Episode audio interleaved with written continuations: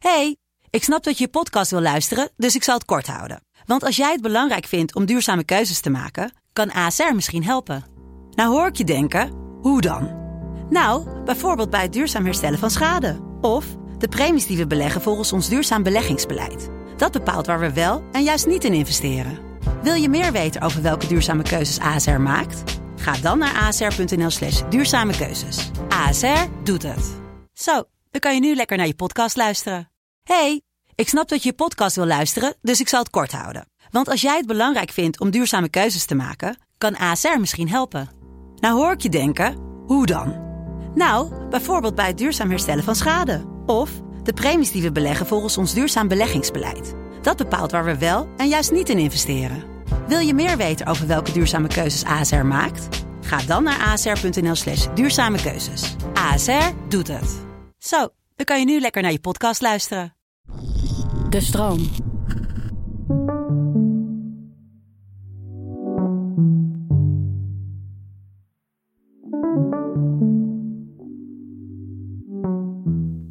Het is onvermijdelijk. Het leven. Het leven is maar tijdelijk. En tegelijkertijd drukt de muziek op jouw afscheid. Een stempel op de eeuwigheid. Je laatste playlist. Je laatste show. Je laatste DJ-set. Je laatste solo. De laatste keer. De AUX-kabel in jouw macht. Dus onder welke muziek wil jij worden herdacht? Daria, thanks dat je er bent. Dankjewel dat ik er mag zijn. Hey, je hebt net je, je sp- eerste speelfilm afgerond. Misschien. Ja. Hoe is dat? Wauw, ja. Ehm, niet te bevatten eigenlijk dat ik dat heb gedaan. Het was een van de zwaarste dingen fysiek die ik ooit heb gedaan. Eh, op de set staan iedere dag. Vechten voor je leven. Eh, maar ja, te gek. Het is ongelooflijk dat. Kijk, ik ben natuurlijk eh, van huis uit theatermaker. En je raakt als theatermaker gewoon heel erg gewend aan het feit dat alles wat je maakt vergankelijk is. Dus het bestaat alleen maar bij de gratie van de aanwezigheid van het publiek. En als het publiek er niet meer is, lost het op in lucht. En soms maak je best wel toffe shit en dan bestaat het twee maanden later gewoon niet meer.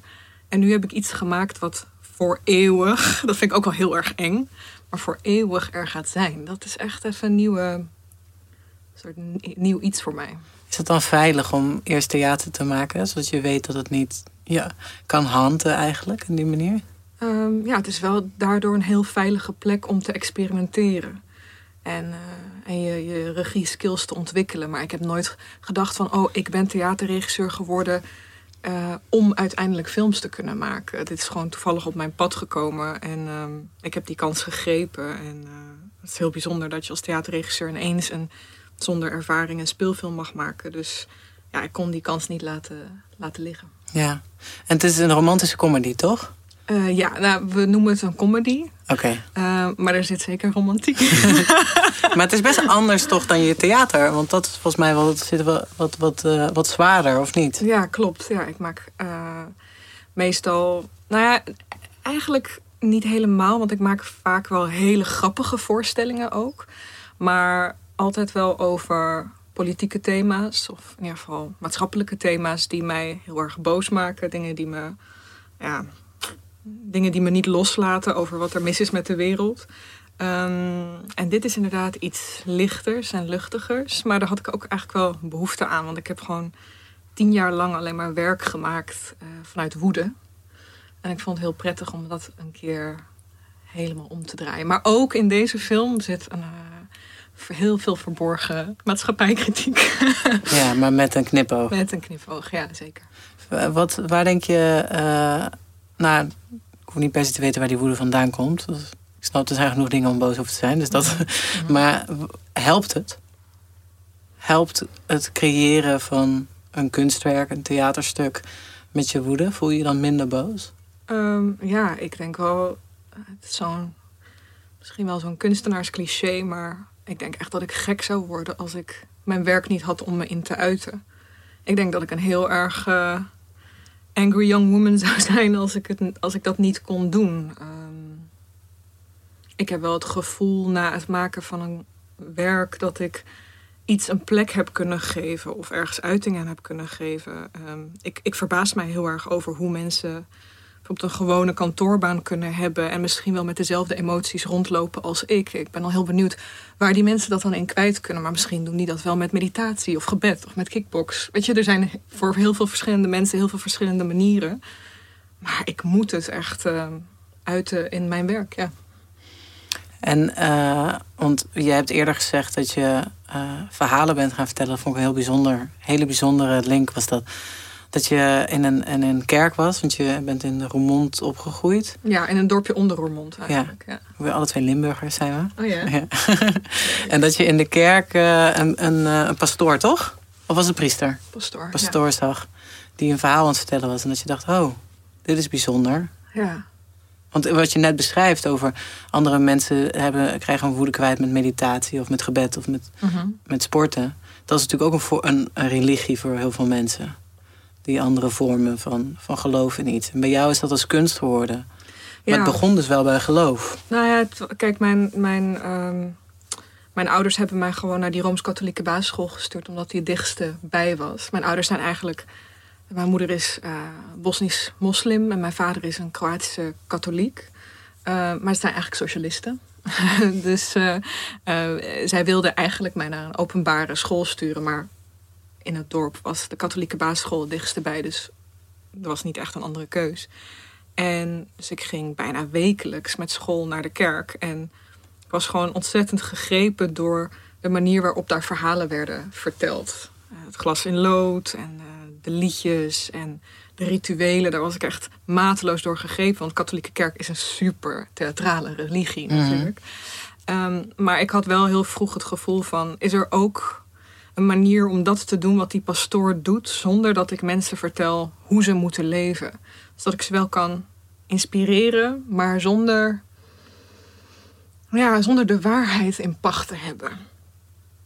Ik wist nog helemaal niet van het bestaan van theater af, maar toen ik in groep 8 dan het kerstspel, de hoofdrol in het kerstspel kreeg. Was je Maria? Nee, ik was, was je Jezus? Uh, nee, nee ik, uh, ik uh, was engel Gabriel die dan Oh. zo het, het verhaal kwam vertellen. En dan mocht ik zo met gigantische witte vleugels op mijn rug en een, kerststukje met een brandende kaars in mijn hand helemaal van achter naar voren lopen in een bomvolle kerk. Mocht ik zo echt letterlijk naar het altaar toe lopen en in het Limburgs aan het een verhaal beginnen. Ja, toen wist ik, ja, echt zo, zo kitsch en zo heerlijk. Uh, maar toen wist ik echt van, ja, dit is wat ik de rest van mijn leven wil blijven doen. Alleen ik moest nog de vorm vinden. Ja, ja toen niet zoiets van, ik wil actrice worden.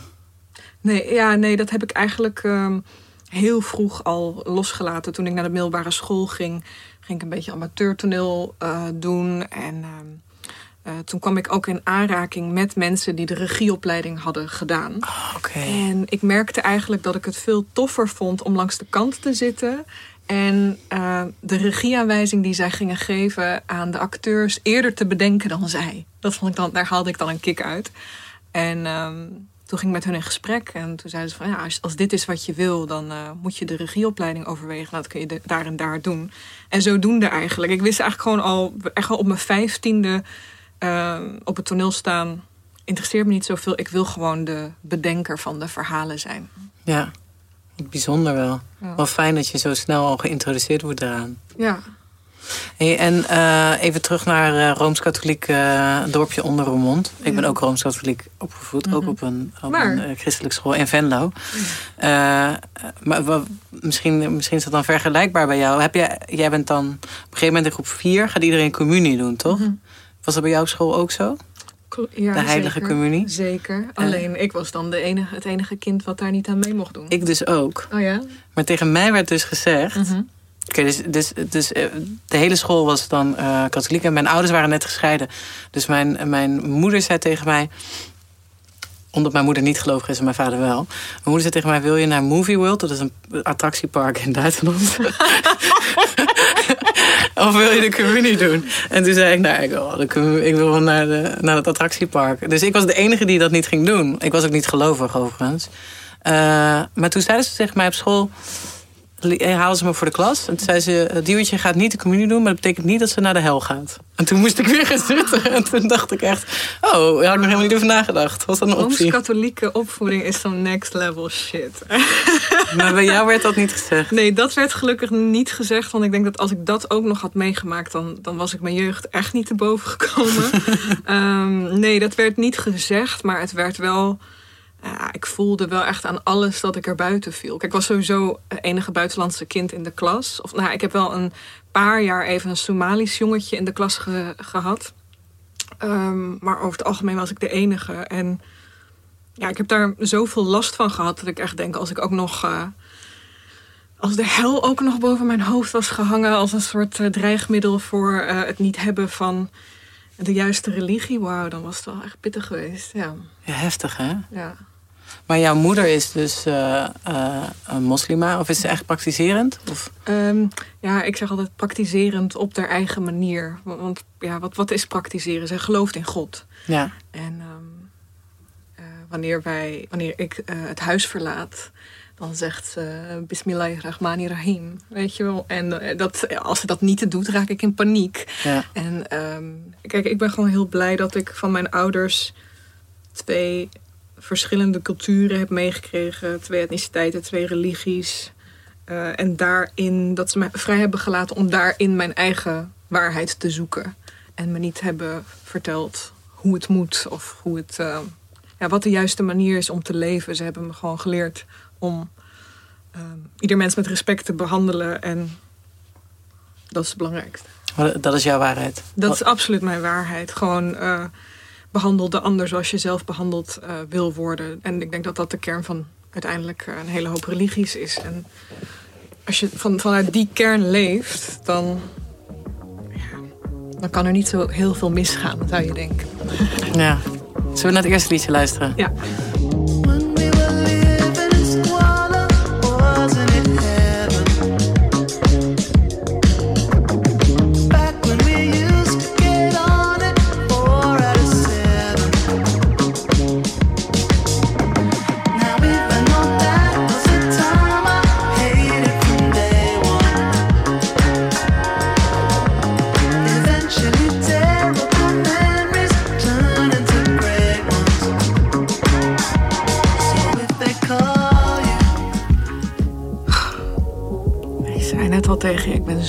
Zo ongesteld.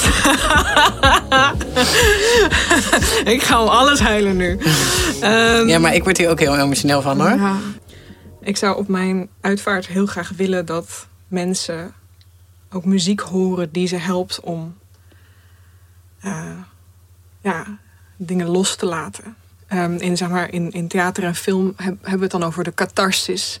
Dat is zo het moment vlak voor het einde van de film dat ehm, het hoofdpersonage eh, ja, bevrijd wordt. Vaak, bijvoorbeeld in The Shawshank Redemption is dan een heel goed voorbeeld. Wanneer het hoofdpersonage uit die modderige tunnel kruipt en dan in die regen staat. En dan alles letterlijk wordt schoongespoeld en wordt herboren. Soms heb je dat met kunst, dat je gewoon in één keer wordt bevrijd. Ja. Dat had ik met dit nummer. Ja, want dat was ook een van mijn vragen hierop. Heb jij het gevoel dat je dingen niet een plek kan geven? Dat je dingen nog met je meest... Want je had het net over woede. Ehm, is dat ook een van de dingen waar je het gevoel hebt dat je in Groundhog Day zit, zoals hij ook zingt? Dat, je, dat het een herhaling valt soms? Eh, nee, ik ben daarvoor wel eh, in therapie gegaan om ervoor te zorgen dat ik dat eh, niet heb of niet doe. Want ik denk dat als ik dat niet had gedaan, dat ik wel heel veel dingen uit mijn jeugd ehm, ja, op een te belastende manier met me mee zou dragen. Nu kan ik het echt, doordat ik het nu heb verwerkt. ehm, eh, ik vergeet het niet, ik draag het nog steeds met me, maar ik weet hoe ik het om moet zetten in iets productiefs en iets vruchtbaars. Omdat ik het gebruik in mijn werk wanneer ik het nodig heb. Maar niet meer dat ik, het, ehm, dat ik die bitterheid zo met me meezul over gewoon alles wat er is gebeurd. En ehm, eh, ja, ik weet niet, ik heb gewoon een moment gehad in mijn leven waarop ik eh, langs een asielzoekerscentrum fietste en een paar jongens op een bankje zag zitten die waarvan ik vermoed dat ze uit dat asielzoekerscentrum kwamen. En ik merkte dat ik gewoon eh, wegkeek van die jongens, omdat ik het te pijnlijk vond om gespiegeld te worden van, ja, dat, dat had ik kunnen zijn op latere leven. Want ik zat als kind in een AZC, weet je wel. Ehm, maar ik za- zag daarin zoveel van mezelf eh weer spiegeld. En ehm, het is alsof dat moment een soort eh, turning point in mijn leven was, waarop ik besloot van, ik kan niet eh, op- met hun op dat bankje blijven zitten, boos zijn en ehm, ja, het is meer de absurditeit van het leven dat we grenzen hebben bedacht Ja. en dat er zoiets is als Jij dat moet ik daarin. moet, dat ik met mijn moeder weg moet vluchten uit mijn land om in een ander land te vragen of we hier alsjeblieft een gelukkig bestaan mogen opbouwen. Gewoon die meer die soort existentiële vragen die ik van kinds af aan met me meedraag, maar eigenlijk daar als kind helemaal geen, geen woorden aan kon geven. Dus vooral, want dat is het hè, als kind. Ik begreep niet wat ons was overkomen. Want ik was drie jaar oud toen we wegvluchtten. Ik was eh, bijna zes toen we uit het AZC kwamen. Ik had geen idee wat er was gebeurd. Behalve dat eh, ik vriendjes en vriendinnetjes had die hun vaders verloren in de oorlog. En eh, gewoon kinderen die ongelukkig waren en agressieproblemen hadden. Dus ik kon daar geen, geen uiting aan geven. En dan later, wanneer je ouder wordt en begrijpt wat er is gebeurd, dan ehm, ja, moet je op de een of andere manier. Je moet en doorleven en een soort van, weet je wel, een, een soort, hoe zeg je dat? Eh, een- iemand zijn die iets bijdraagt aan de samenleving. Terwijl je ook boos bent op de samenleving. Of niet, niet eens zozeer. Ja, tuurlijk, ik kan van alles zeggen en vinden over het Nederlandse vluchtelingenbeleid. Maar het is meer gewoon het hele systeem wat wij als mensheid hebben gecreëerd Het is zo onlogisch. is hè? compleet onlogisch. En dat je daar de hele tijd mee moet dealen terwijl je nog niet eens. Terwijl je, ook moet puberen. En je ook moet verliefd moet worden. En ongesteld moet worden. En moet uitvinden wie je bent en wat je wil doen. Ja, dat is echt best wel een fok op als kind. En ik heb gewoon op een gegeven moment besloten om. eh, ja, dat ik gewoon niet meer de hele tijd boos wilde zijn. Dus therapie was een good call. heb, je, heb je tips? eh, want het, ik vind therapie ook fantastisch. Alleen wat, niet iedereen kan het op dit moment betalen of, of heeft er ruimte voor. Heb je tips voor mensen die boos zijn die eh, wel in therapie gaan?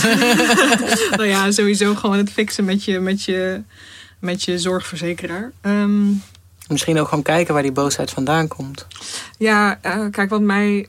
Ik denk dat je. Ehm, en dat, dat het heel belangrijk is dat je. ehm, inderdaad, die boosheid echt confronteert en aangaat. Maar ook. ehm, niet denkt, ah, ik los het later wel. Voor mij was het gewoon heel erg duidelijk, ik moet deze shit in mijn twintiger jaren fixen. Want anders ga ik, ik weet dat ik gewoon steeds minder flexibel ga zijn. Ik weet dat ik eh, herinneringen ga verliezen. Ik wilde gewoon zo jong mogelijk ehm, het in de ogen kijken. En ehm, ja, mijn werk helpt mij daarbij. Want ik heb bijvoorbeeld op mijn 25ste een voorstelling gemaakt genaamd Nobody Home. Met drie jongens die ook uit hun land van herkomst zijn gevlucht. Eentje uit Bosnië, eentje uit Syrië en eentje uit Iran. En wij hebben gewoon heel uitgebreid onze ouders geïnterviewd voor die voorstelling. En dat, ehm, ik zou eigenlijk het iedereen aanraden om dat sowieso te doen. Dat je gewoon met je ouders gaat praten en een tape recorder aanzet. Want volgens mij is dat sowieso heel erg healing.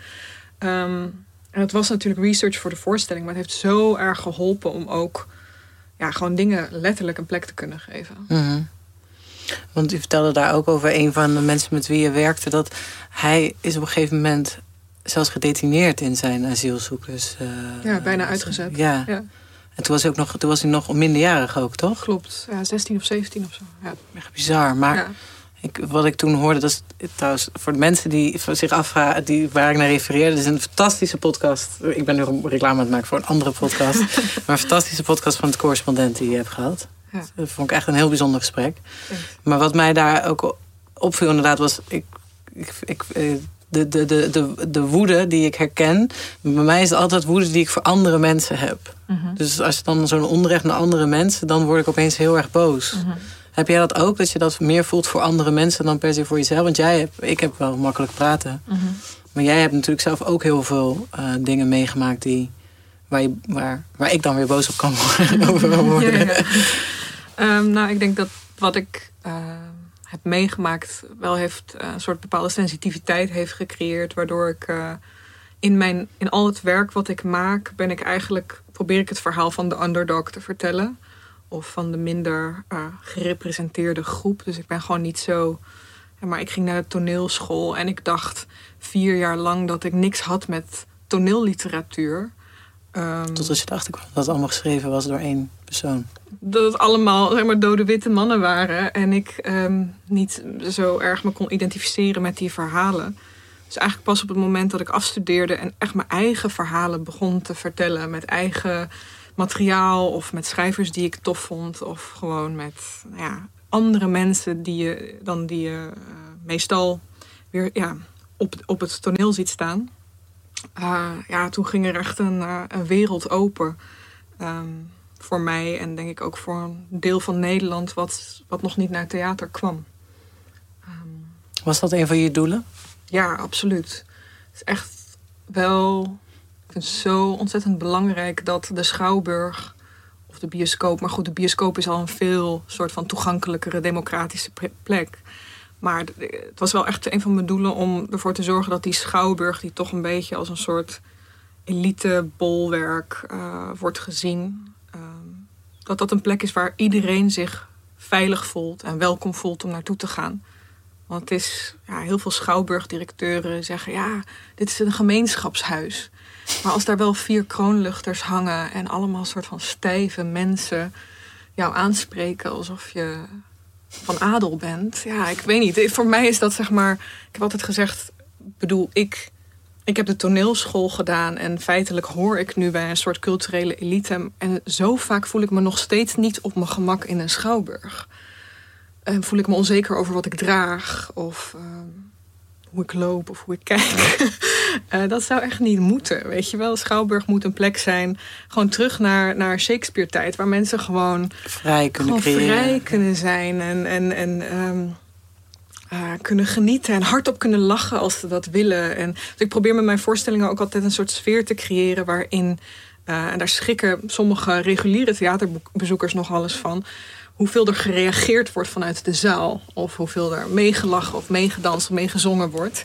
Uh, ik vind dat heel gezond. Wat leuk. Ja. Wat leuk. Hey, zijn jouw ouders creatief? Um, nou, mijn... Uh, nee, ze hebben allebei geen creatief beroep. Maar mijn moeder wilde heel graag actrice worden. Maar dat was in haar tijd absoluut geen optie. Dus haar ouders hebben haar naar een soort ja, technische middelbare school gestuurd. Want dat was dus ze waren wel heel geëmancipeerd in de zin van onze dochter moet een technisch beroep gaan doen. Want um, waren jouw opa en oma ook socialistisch? Ja, zeker. Okay, ja, ja. ja. Um, uh, maar zij, het is echt doodzonde, want als zij in een andere tijd geboren was, zij, zij is gewoon. Ik denk dat ik totaal mijn, mijn theatrale talent heb ik van haar. Als zij een verhaal vertelt, je hangt aan haar lippen. Mijn moeder kan echt de domste bol, het domste bullshit verhaal over dat ze naar de supermarkt is gegaan en een buurman tegenkwam die een roze hoedje op had. Dat kan zij uitsmeren over een half uur. en aan het einde van dat half uur ben je gewoon gelouterd. Gewoon heb je gelachen, heb je gehuild. Onwaarschijnlijk hoeveel talent die vrouw heeft voor verhalen vertellen. Wanneer kwam je erachter dat zij zo'n goede verhalen vertellen was? Ja, eigenlijk, ik denk van jongs af aan uh, hing ik al aan haar lippen. En soms vind ik het wel heel ingewikkeld dat als ik mezelf spiegel met mijn moeder. Dat is een groot thema in mijn leven. Dat, dat ik veel uh, schuldgevoelens heb over um, dat mijn ouders hun leven hebben opgegeven. En dat ik alles, zeg maar, de wereld ligt letterlijk aan mijn voeten. Mijn moeder werkt gewoon, weet je wel, in een magazijn van action. Terwijl ze giga hoog IQ heeft en super veel talent. Maar nou ja, zij is gewoon die generatie die alles is kwijtgeraakt. En ik vind het soms heel confronterend om, te, om haar te vertellen over mijn successen. Omdat ik denk, ik leid het leven wat jij had moeten hebben. Ja, maar jij bent onderdeel, jullie zijn onderdeel van elkaar, toch? Zij leeft, dus ik denk dat heel veel mensen ook kinderen nemen... zodat, zodat zij nog een beetje iets kunnen leven van het leven wat zij zouden willen hebben ook. Ja, maar ik vind dat heel moeilijk. Ik bedoel, tuurlijk leeft ze. Ik denk dat je je schuldig had moeten voelen als jij niet de dromen achterna was gegaan die je had willen doen, toch? Ja, maar dat legt ook wel gewoon een hele grote druk op je schouders. En een soort... Ja, precies. Ik heb gewoon eigenlijk... eh, dat, dat leer je dan ook als je in therapie gaat. Dat je... eh, ik heb gewoon last van survivor's guilt. Ja, het is wel vaker toch bij, Mhm. bij kinderen van ouders die gevlucht zijn. Ja, zeker. Dus je hebt gewoon het gevoel dat je op gestolen tijd leeft. En eh, dat... Wat zegt je moeder als je dat tegen haar zegt? Ja, maar eh, dan, dan wuift ze dat weg met een hand en zegt... eh, wat een onzin en stop hiermee. En jij hebt onze komst naar Nederland al lang de moeite waard gemaakt. En zelfs als je het niet de moeite waard had gemaakt... jij leeft jouw leven, wij hebben ons leven... en iedereen is verantwoordelijk voor zijn eigen geluk. Mhm. Dus het is ook een soort van... Soms hoor ik natuurlijk van mensen dat, hun, dat ze ouders hebben... die heel veel druk op ze leggen. Ik heb dat helemaal niet. Ik heb dat is voor mij allemaal mijn projectie van... of mijn overbewustzijn... van hoe zwaar zij het hebben gehad... en hoe, tussen aanhalingstekens, gemakkelijk ik het heb. Had je gewild dat ze meer druk op je hadden gezet? Nou, misschien had ik, had ik me dan nog makkelijker van ze kunnen afzetten of zo. Eh, Misschien was dat wel makkelijker geweest. Nee, nee, ik, ik denk dat zij heel snel door hadden dat ik eh, een kind was wat al voldoende de lat al heel hoog legt voor zichzelf. En ehm, ze, ze, hebben me, ze hebben me gezond gestimuleerd, laat ik het daarop houden. Voor Balkanouders zijn, heb ik volgens mij de milde variant gehad. Hey, eh, je hebt een, eh, een ander nummer meegebracht wat over moederschap gaat. Ja. En ik Nu ga, gaan we kapot, Diewertje. Nu gaan we kapot. ja, nou ja, we gaan eerst kapot omdat ik dit uit uit moet gaan spreken. Oké, Hanka Paldum. Hanka Paldum. Paldum. Mojojo Maichi. ik weet toch niet. Moyoi Maitsi. Oh, mooi wat? Mojojo. Mejojo. Mejojo. Mojo Maichi. Zoiets? Maitsi. Mai- Maichi. Oké. Nou, dat zal ik eerst even introduceren voor mensen. Het is een Bosnische zangeres Ja. die gezien wordt als top in een genre. Namelijk het Sevdalinka genre.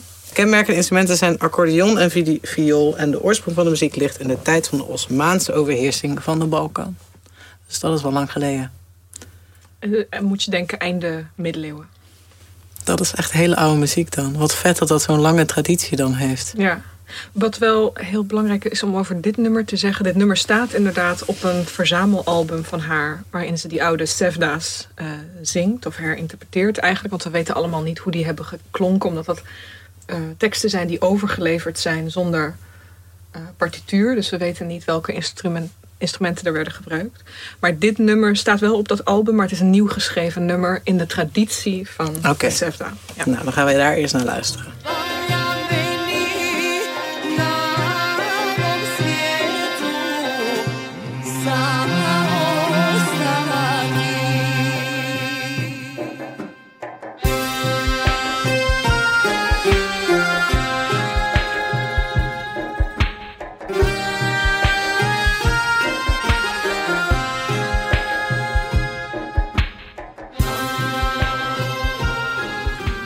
Wat ze zingt is eigenlijk. eh, haar moeder eh, is overleden. En eh, eigenlijk wat ze zingt is.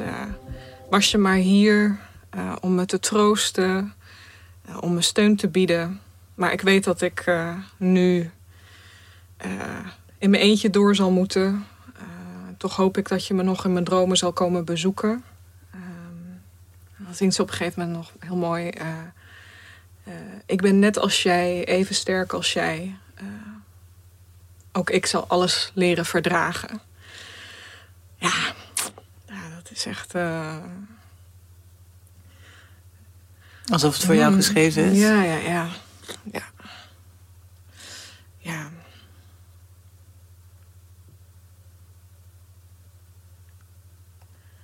Ja. Wat heel mooi is, is dat. ehm, dus het woord uh, of eigenlijk Sevda, de afkorting daarvan. eh, is dus door de Ottomanen, de, de Turken, naar eh, Bosnië gebracht. Die hebben het weer van een Arabisch woord. En het interessante is dus dat de oorsprong van het woord saudade wat uit het, Port het Portugese woord wat gekoppeld is aan de Portugese fado, dezelfde oorsprong heeft. Interessant hoe, ehm, hoe twee hele melancholische muziekstijlen in Europa, dus diezelfde, ja, toch datzelfde kern, eh, de kernwoord hebben of zo. Interessant. ehm. Dus heeft ook, deze muziek heeft ook eh, waarschijnlijk deels zijn oorsprong niet alleen in het eh, Ottomaanse Rijk, maar ook er zijn op een gegeven moment veel Sephardische Joden vanuit Spanje naar de Balkan gevlucht. En waarschijnlijk die mix van dat Ottomaanse en dat Sephardische, dat heeft deze interessante clash opgeleverd. Wat maar weer bewijst dat al het goede voortkomt uit culturen die elkaar ontmoeten. Ja, en ook de Roma Ja. hebben er ook invloed op gehad. En uiteindelijk komt, het, klinkt het allemaal als een longing naar iets. Als een verlangen naar Ja. iets. Dus je hebt het Ja. over, over vluchten. Nou, de Roma's zijn natuurlijk een, een, ze noemen ze een zwervend volk al, al Ja. honderden jaren lang. Het klinkt allemaal als een verlangen naar of je moeder, een moederland of Mm. een thuis Of in de die zin. liefde. 9 van de 10 nummers gaan ook in deze stijl gaan ook vooral over. Ach, ik snak naar hem, maar hij is er niet. het is ook gewoon, ja, het is gewoon verlangen in, in de puurste vorm. Ehm, wat interessant is, ik was voor deze podcast aan het twijfelen tussen twee Bosnische nummers. En vandaag was ik nog even research aan het doen naar dit nummer. En ehm, toen zag ik dat het dus geschreven is door de zanger slash componist van dat andere nummer wat ik wilde kiezen. Terwijl ik helemaal geen idee had Ah. dat die met elkaar... Maar zo zie je maar dat het dan weer heel erg met elkaar verbonden Je is. hebt dus te maken. Ja. Hey, vind je het moeilijk om jezelf kwetsbaar op te stellen? Nee, helemaal niet. Ik denk dat het eh, eh, de kern is van wat ik constant doe. Ehm, ik denk dat ik er mijn beroep van heb gemaakt. Continu kwetsbaar te zijn en dat aan andere mensen te tonen. Omdat ik geloof dat dat de enige manier is waarop we. Ja, ik geloof gewoon heel erg in dat soort van verhoogde vorm van kwetsbaarheid. Wat voor meer empathie zorgt? voor meer empathie zorgt en voor eh, ja, een, zachtere, een zachtere wereld. Waar we gewoon door hoe alles is ingericht gewoon heel weinig tijd hebben om echt con- contact met elkaar te maken. En ik geloof dat kwetsbaarheid daarbij helpt. Ja, en ik moet wel, ik ben kunstenaar, weet je wel. Ik bedoel, het is, ehm, eh, kunst wordt alleen maar spannend op het moment dat het soort van naar die weken delen toe gaat van onze emoties en onze onderbuikgevoelens en onze angsten en onze lusten en alles wat we eigenlijk een soort van moeten proberen te onderdrukken dagelijks op straat. Ja. niet eh, soort, in een soort eh, wilde dieren te vervallen. Ja, ja, ja. Terwijl ja, wilde, wilde dier dieren, die wilde- maakt geen kunst. Nee. nee, maar ik bedoel, ik denk dat, dat waarom mensen theater zo tof vinden, is omdat daar even eh, het wilde dier in de mens weer even mag bestaan. Of soort van je kijkt vanuit een soort heel veilige donkerte. Kijk je naar, ehm, ja, naar die onderbuik-emoties die daar dan even mogen bestaan. Het is bijna een soort eh masochistische. Je koopt gewoon, weet je, je, je betaalt 20 euro om weer even herinnerd te worden aan een soort van de rauwheid. Die je misschien ja, op je werk niet eh, Ja, naar buiten mag brengen of zo. Zo, ehm, dat denk je ook waarom mensen geïnteresseerd zijn in horror en dergelijke. Ja, ja, nou vind ik horror wel echt, sorry dat ik het zeg, maar echt wel een heel westers ding. In de zin van, misschien, ik weet, misschien is er ook wel horror op de Balkan, maar I don't think so. Het speelt zich wel altijd af, toch? De Balkan. Dus ze doen, ja, ze doen Oh, vaak, ja? ja? ze zetten vaak als het voor Amerikanen is het dan Europa in general, Ja. maar horror in Europa wordt vaak in Oost-Europa gegooid. Vandaar is alles eng en creepy. Oh, Dus het heeft ook daarin waar ook altijd iets, wat iets grappig. ja. Nou ja, ik denk, niet, ik denk toch dat in landen waar voldoende shit is om je zorgen Dat- over te maken, Dat, de je dat niet doet. Ja, precies. horror iets, iets minder groot is. De werkelijkheid is soms al angstaanjagend genoeg. Ja, maar dat is natuurlijk ook wel interessant. Want ik vind het een hele interessante constatering die je daar hebt over dat je als een soort van dier inderdaad een struikgewas aan het kijken bent naar mensen die wel op die manier hun emoties en. Mhm. Ja, zo echt. Dus jij denkt dan ook dat dat, eh, dat, dat een beetje de, de functie is van kunst? Mm. Dit, is een, dit is een vaak gevraagde eh, vraag in deze podcast. Ja. Ehm, ik denk dat ehm, de functie van kunst vooral ja, de Ik denk dat jezelf weer spiegelt zien. ehm, dat dat een hele, hele helende werking heeft. En soms, dat is niet altijd een prettige ervaring. Soms word je boos. Soms verlaat ik heel ongemakkelijk een theaterzaal. Of een, verlaat ik geïrriteerd het museum. Of dan denk ik, waarom laat deze kunstenaar me nou weer naar drie stokjes met stippen erop kijken? Maar die, die emotie dus, of tenminste die, die, die, het effect van die reflectie op jou en in jou... Dat is super waardevol. ja, sorry. Denk je dat er echt kunstenaars zijn die denken... ik ga nu even laten zien hoe geïrriteerd jij wordt van tijdverspilling. En geldverspilling en ruimteverspilling. Kijk, eh, luister, er is ook gewoon een hele hoop bullshit kunst. Maar nee, kijk, ik denk dat iedere. ehm, alle effecten die kunst op jou kan hebben, heel goed en gezond zijn. Omdat het je altijd aan het denken zet. Of je doorleeft iets, of je voelt iets. Of nou, soms voel je ook niks. Ik kan me echt wel voorstellen dat als er jonge kids op een verplichte reis naar het Rijksmuseum gaan. En het niet, weet je wel, eh, het, verhaal niet goed aan ze wordt verteld. Dat ze geen connectie kunnen maken. Daarom probeer ik ook altijd ervoor te zorgen dat ik een taal spreek waar eh, jongeren zich toe kunnen verhouden. Maar ik geloof wel echt dat. dat ehm, ik denk dat we allemaal wel eens hebben meegemaakt dat een lied of een voorstelling of een boek. Ja, dat je het gewoon weglegt of, of, of eruit komt. En dat je gewoon, ja. Dat je je voelt zoals die guy in Shawshank Redemption. Dat je gewoon. Ja, dat het van je afspoelt. En dat je je herboren voelt. Omdat je je soort van erkend voelt in je menselijkheid. Dat is, dat is misschien wel de functie van kunst. Het erkent ons in onze menselijkheid. Want het is, weet je, daarmee onderscheiden we ons van andere diersoorten. Dat we kunnen reflecteren op ons mens zijn. En eh, dat kunnen sommige getalenteerde mensen op zo'n mooie manier. Daarom is, is voor mij ook een soort absurd dat er bijvoorbeeld eh, partijen of politici of bewegingen zijn in de samenleving die zeggen eh, zo weinig mogelijk geld naar kunst. Of we moeten kunst, weet je, als een elitaire hobby. Omdat ik denk, hè, maar volgens mij zijn heel veel mensen niet eens bewust van hoe veel we genieten van kunst op een dagelijkse basis. Wat kunst eigenlijk allemaal is en welke, weet je wel, waar het allemaal in zit. En hoezeer het ons redt uit onze Het zou sleur. eigenlijk geen kunst moeten heten. Het zou in, in een zekere vorm menselijkheid moeten heten. Zullen wij Partij van de Kunst beginnen? Oh, ik wil dat zo graag.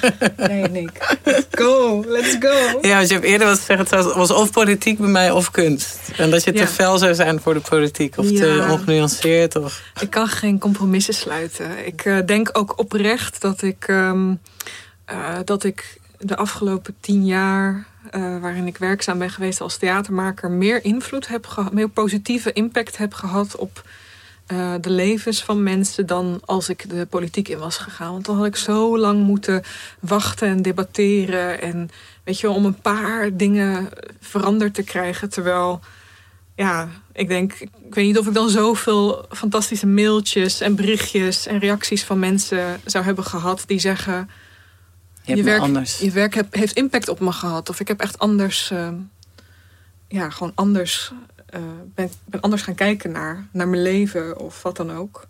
Ehm, Vind je dat belangrijk, impact? ja, ja, ja. Ik, eh, nee, absoluut. Er zijn ook een heleboel boel theatermakers die gewoon. ehm, of kunstenaars in het algemeen, die het niet belangrijk vinden. Die, die gewoon maken omdat ze willen maken. Weet je wel, kunst voor de kunst. Of eh, die niet bezig zijn met hun publiek. Maar voor mij, omdat voor mij theater maken zo'n eh, persoonlijke politieke noodzaak heeft. ehm, is het wel degelijk heel erg van belang of het ook daadwerkelijk invloed heeft gehad op, op die mensen. Ik wil echt wel mensen een klein beetje veranderd die zaal uitsturen. Ik hoop, misschien ben ik super naïef, maar ik hoop dat mensen betere mensen worden door, door het werk wat ik maak. Voor die betere mensen, want dat is zo, dat is zo zwart-wit. Rijkere maar mensen. Rijkere mensen. Of mensen die zich wat meer afvragen. Of mensen die een voornemen hebben nadat ze mijn zaal verlaten. Want waarom doe je het anders? Ik heb echt. eh, Anders kun je het net zo goed voor jezelf houden. ik heb echt soms wel een hele gezonde jaloezie eh, naar kunstenaars toe die gewoon, weet je wel, gewoon voor zichzelf die shit doen. Gewoon, ik maak dit. I don't care if you like it, but I put it out there. Ik heb daar echt soms, ik ben daar soms echt jaloers op. Want bij mij is het altijd. eh, Maatschappelijk.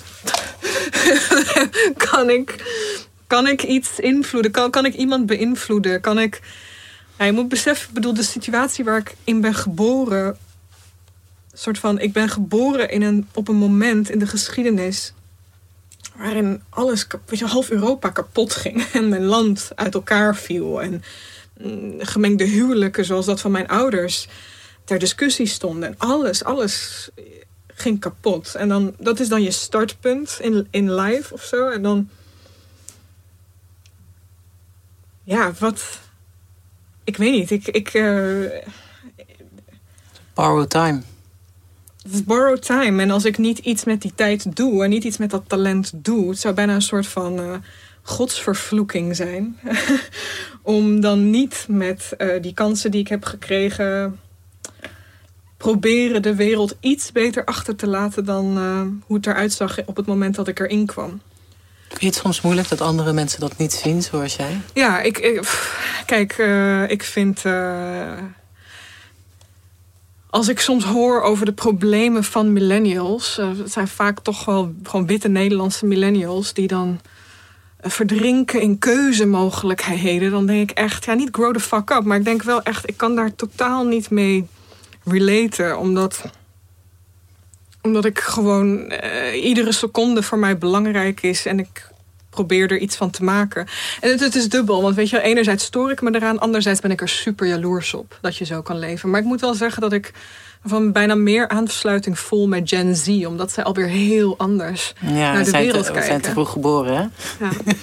ik dacht altijd dat ik te laat was geboren, maar ik ben te vroeg geboren. Ik heb het ook met Gen Z, dat ik denk, oh, jullie zijn zo heerlijk activistisch. Ik, Oh ja, ik ben echt gek op ze. Ja, ik ook. Zij, hebben- zeg maar, zij hebben, jij bent geboren in een tijd inderdaad, jij geen. Het is ook heel grappig.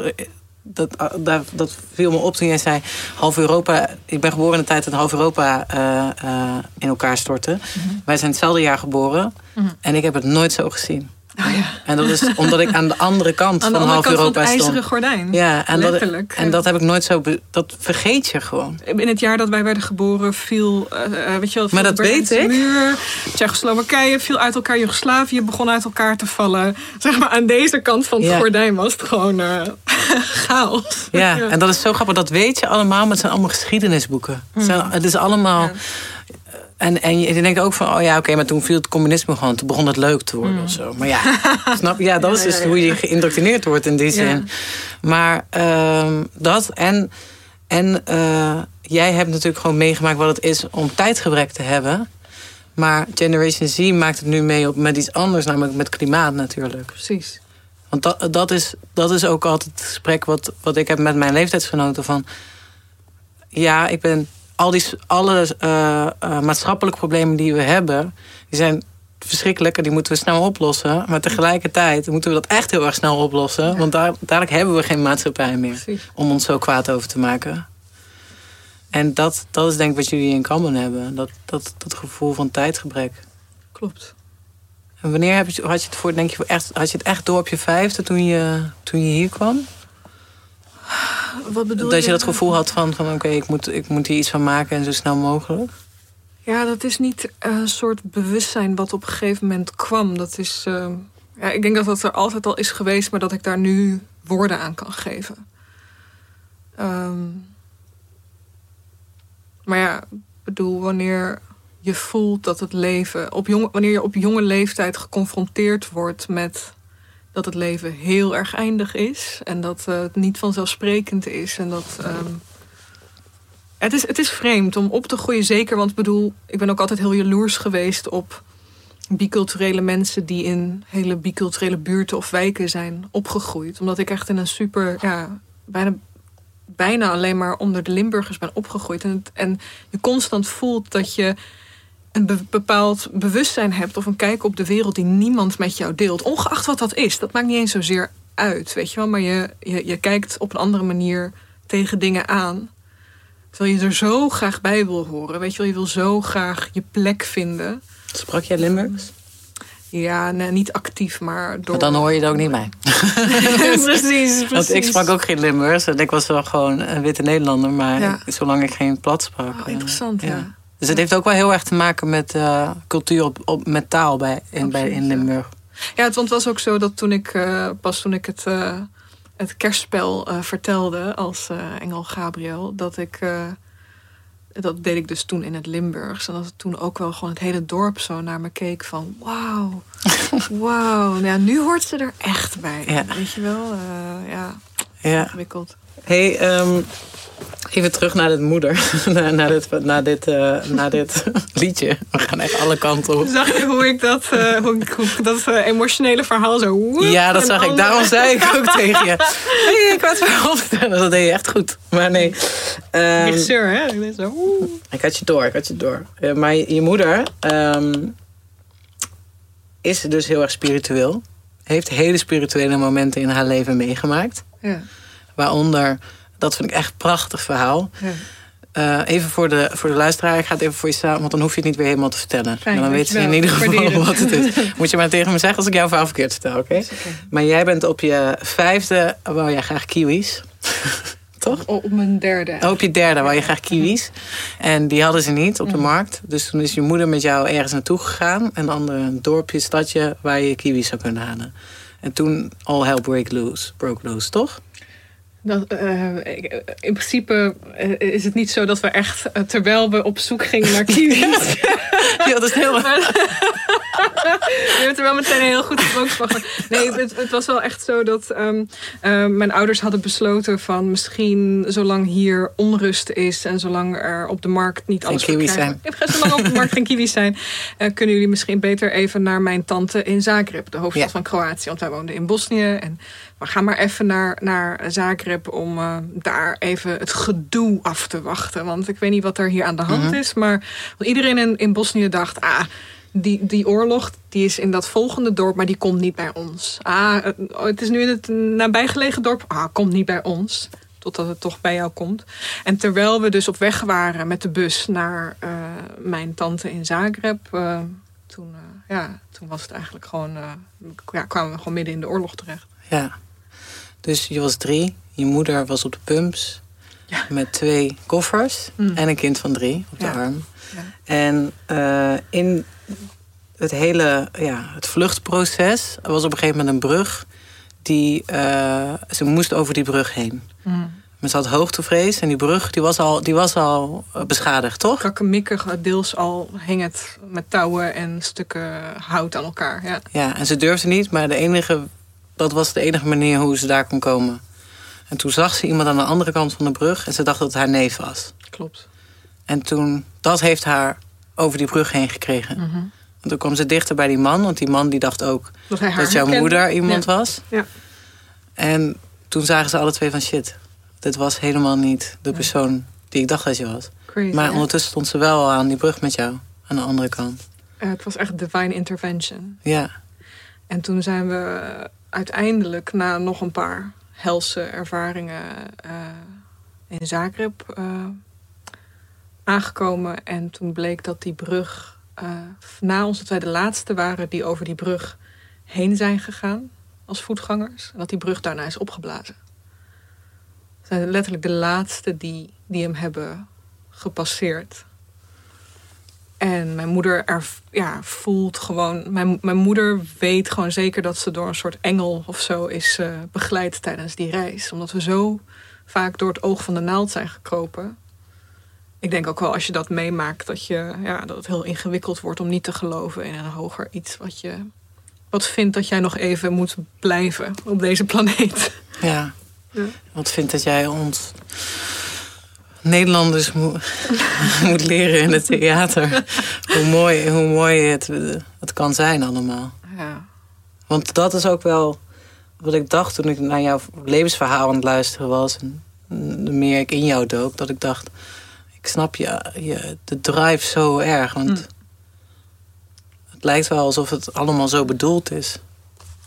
Ja, ik eh, vind het ook heel moeilijk omdat mijn leven is zo'n bizarre aaneenschakeling van. Nou Ja, dus ik, ik, volgens mij is niks. Ik vind het heel ingewikkeld om te geloven in toeval, omdat dingen in mijn leven op een bepaalde manier gaan. ehm, die heel erg begeleid voelen of zo. Heel erg eh, bedoeld voelen. Of... Er zijn heel veel spirituele momenten. En soms dan voelt het ook alsof ik al zie wat er gaat komen. Ja, dat klinkt heel vaag, maar... Is dat ook je intuïtie, denk je? eh, ja, zeker. Ook, eh, ook intuïtie. Ehm, maar ik voel soms... Ik weet ook... ehm, pardon. Ehm, ik weet niet. Ik heb sinds van kinds af aan al zo'n gevoel dat ik alles kan eh, wat ik wil doen of zo. Eh, I can do everything where I put my mind to of zo. Hoe zeg je dat? Ja, Eh, het ligt in jouw handen. het ligt heel erg in mijn handen. Ik voel me heel machtig. Alsof er iets is wat zegt... ehm, neem de teugels maar in handen of zo. Vertel het verhaal maar op jouw manier. Dus je bent niet bang. Nee, ik ben heel. Het is heel interessant. Heel interessant dat je dat zegt. Want als kind had ik heel erg veel angsten. Ik was bang voor alles en iedereen. Echt eh, donker, andere mensen, de omgeving, eh, autorijden, alles, alles, alles. En ik ben op een soort punt in mijn leven beland waarin ik eh, voel dat ik angstloos aan het leven ben. Echt zo Zwevend. o- zwevend, alsof ik ben opgestegen of zo. Ik weet niet wat dat is, maar het is een heel goed gevoel. Wat fijn. Wat fijn. Weet je nog, eh, is, dat geleidelijk gegaan of is er iets? Ehm, ik denk dat het geleidelijk is gegaan. Ehm, ik omschreef het laatst ook aan mijn vrienden. Van dat ik me nu echt op een heel sterk punt voel. Alsof ik ook nu pas ervaar dat ik dus al een tijdje... Ik denk dat ik heb het gevoel alsof ik heel lang soort van op de rand van een dak heb gestaan. En eigenlijk met mijn vleugels aan het invetten was. En niet door had hoe groot en breed die vleugels inmiddels waren geworden. Ik dacht van, oh, als ik eenmaal met die vleugels sla, weet je wel, dan stijg ik op. Maar nu ben ik ineens aan het, al aan het vliegen, maar ik weet niet precies wanneer ik me heb afgezet. maar die vleugels zijn echt fucking big gewoon. En ik, en ik ben gewoon, ja, ik voel me, ik weet niet waar, waar dat vandaan komt, dat ik me nu zo sterk en goed voel. Maar het is echt een super fijn gevoel. Ja. Die engel Gabriel. eh, Die Engel Gabriel vibes, ja. ja, dan zijn we alweer bij het laatste nummer. Flying Lotus Kendrick Lamar, Never Catch Me. Ja. Een van de mooiste video's ooit gemaakt. De mooiste video ooit gemaakt. Ja. De mooiste video ooit gemaakt. Hiro Murai, als je dit ziet. Oh, hij is ook van eh, Atlanta. van Atlanta. En Dat wist ik niet. This is Oh, America. ik Hij heeft volg bijna al die Childish Gambino clips Ah, gemaakt. Ja. ja, ik volg Hiro op Instagram, maar ik wist niet dat hij deze videoclip was. Ja. Oh, wat gek. ja. Ehm, wist jij wie Flying Lotus oud-tante is? Nee, Eh, Alice Coltrane. Dat is een jazzharp. eh, Ja, die ken je wel. zeker. Ja. Zij, eh, zij is zijn oud-tante. Dus het zit in de familie. Wauw, nice. Maar ja, de videoclip ga ik niks over klappen. Nee, Toch? dat moet iedereen echt gewoon na het luisteren van deze Ja. podcast gaan kijken. Van Never Catchy. Nou, ik, een van de vragen die ik hierover had, was... die hebben we eigenlijk al heel duidelijk besproken. Namelijk, eh, I can see the darkness in me and it's quite amazing. nou, we hebben hier volgens mij je schaduwkanten Klaar, goed genoeg besproken, denk ik. klaar. Maar ik wil één ding heel even, voordat we gaan afsluiten. Eerst wil ik weten waarom je dit nummer hebt gekozen. Omdat dit nummer eh, echt mijn power song is. Dit is, ik voel mij. Ja, dit zet ik op als ik gewoon elevated wil zijn. Ik weet niet, ik, ik vereenzelvig me gewoon met dit nummer. Dit is een soort van als je je karakter of soort van wie je bent in één. Als je één nummer zou moeten kiezen, dan zou het gewoon dit nummer zijn. Dus dit is gewoon wie ik ben. Ja, het is heel snel. Ja, Het is heel kort. ja. Dus laten we dat laten we niet hopen bij jou. Maar wel snel. Je bent snel. je bent ambitieus. En eh, ben je ongeduldig? Ja. Ja, ongeduldig. dacht ik al, maar dat zou ik niet voor invullen. en eh, hij rapt heel snel, maar de teksten zijn fantastisch. En het gaat inderdaad heel erg over de empowerment die je hebt. Eigenlijk over je eigen leven. Van je gaat dan wel dood, maar je spirit eigenlijk nooit. Precies. En je hebt natuurlijk met je theaterstukken heb je natuurlijk ook al iets tijdloos gemaakt. Mhm. Maar nu is, als de film er komt, dan is het al helemaal, dan kunnen ze al helemaal niet meer eh, net doen alsof het niet bestaat. Dus dan is het, dan heb je dat impact, de blijvende impact. Ja. Ook als je er niet meer bent. Maar dat moet pas over 100 jaar. Toch? Pas over Hoe 100 oud zou je willen worden? jaar. Eh, 90. Precies 90. Precies 90. Nee, niet, nee maar bedoel, ik hoef, ik hoef niet zeg maar zo oud te worden dat ik zeg maar ga vergeten hoe het was om zeg maar super mobiel te zijn en dansjes te kunnen doen. Mm. Snap je? Wil wel een soort, ja, nee, ik hoef niet te oud te worden. Gewoon zo mooie 90. Mooie gezonde 90. En dan zo. Zou je denk je je hele leven door willen blijven werken? Mm, Zo Jane Fonda niet. gewoon. Nee, nee, nee. Echt wel. Ik bedoel, eh, ik zeg nu absoluut niet. Waarschijnlijk ga ik dat wel doen. Maar nee, ik zie het wel echt voor me dat ik dan zo op een gegeven moment zo op mijn classy 62ste of zo. Dat ik met vervroegd pensioen ga. En dat ik dan weer gewoon op de Balkan ga wonen. In mijn mooie Kroatische villa. Wijntjes ga drinken. Boeken ga lezen. En gewoon zo. Hey, ik wou je nog even één ontzettende, ontzettende props geven voor een van de mooiste zinnen. En ik weet niet of je ze zelf hebt verzonnen. Maar je zegt op een gegeven moment over ambitieuze mensen alsof ze de sterren willen opeten. En dat vind ik jou ook heel erg. Met je vleugels. Dankjewel. Oké, dan gaan we nu luisteren naar Flying Lotus. Dankjewel voor het komen. Dankjewel, Diewertje.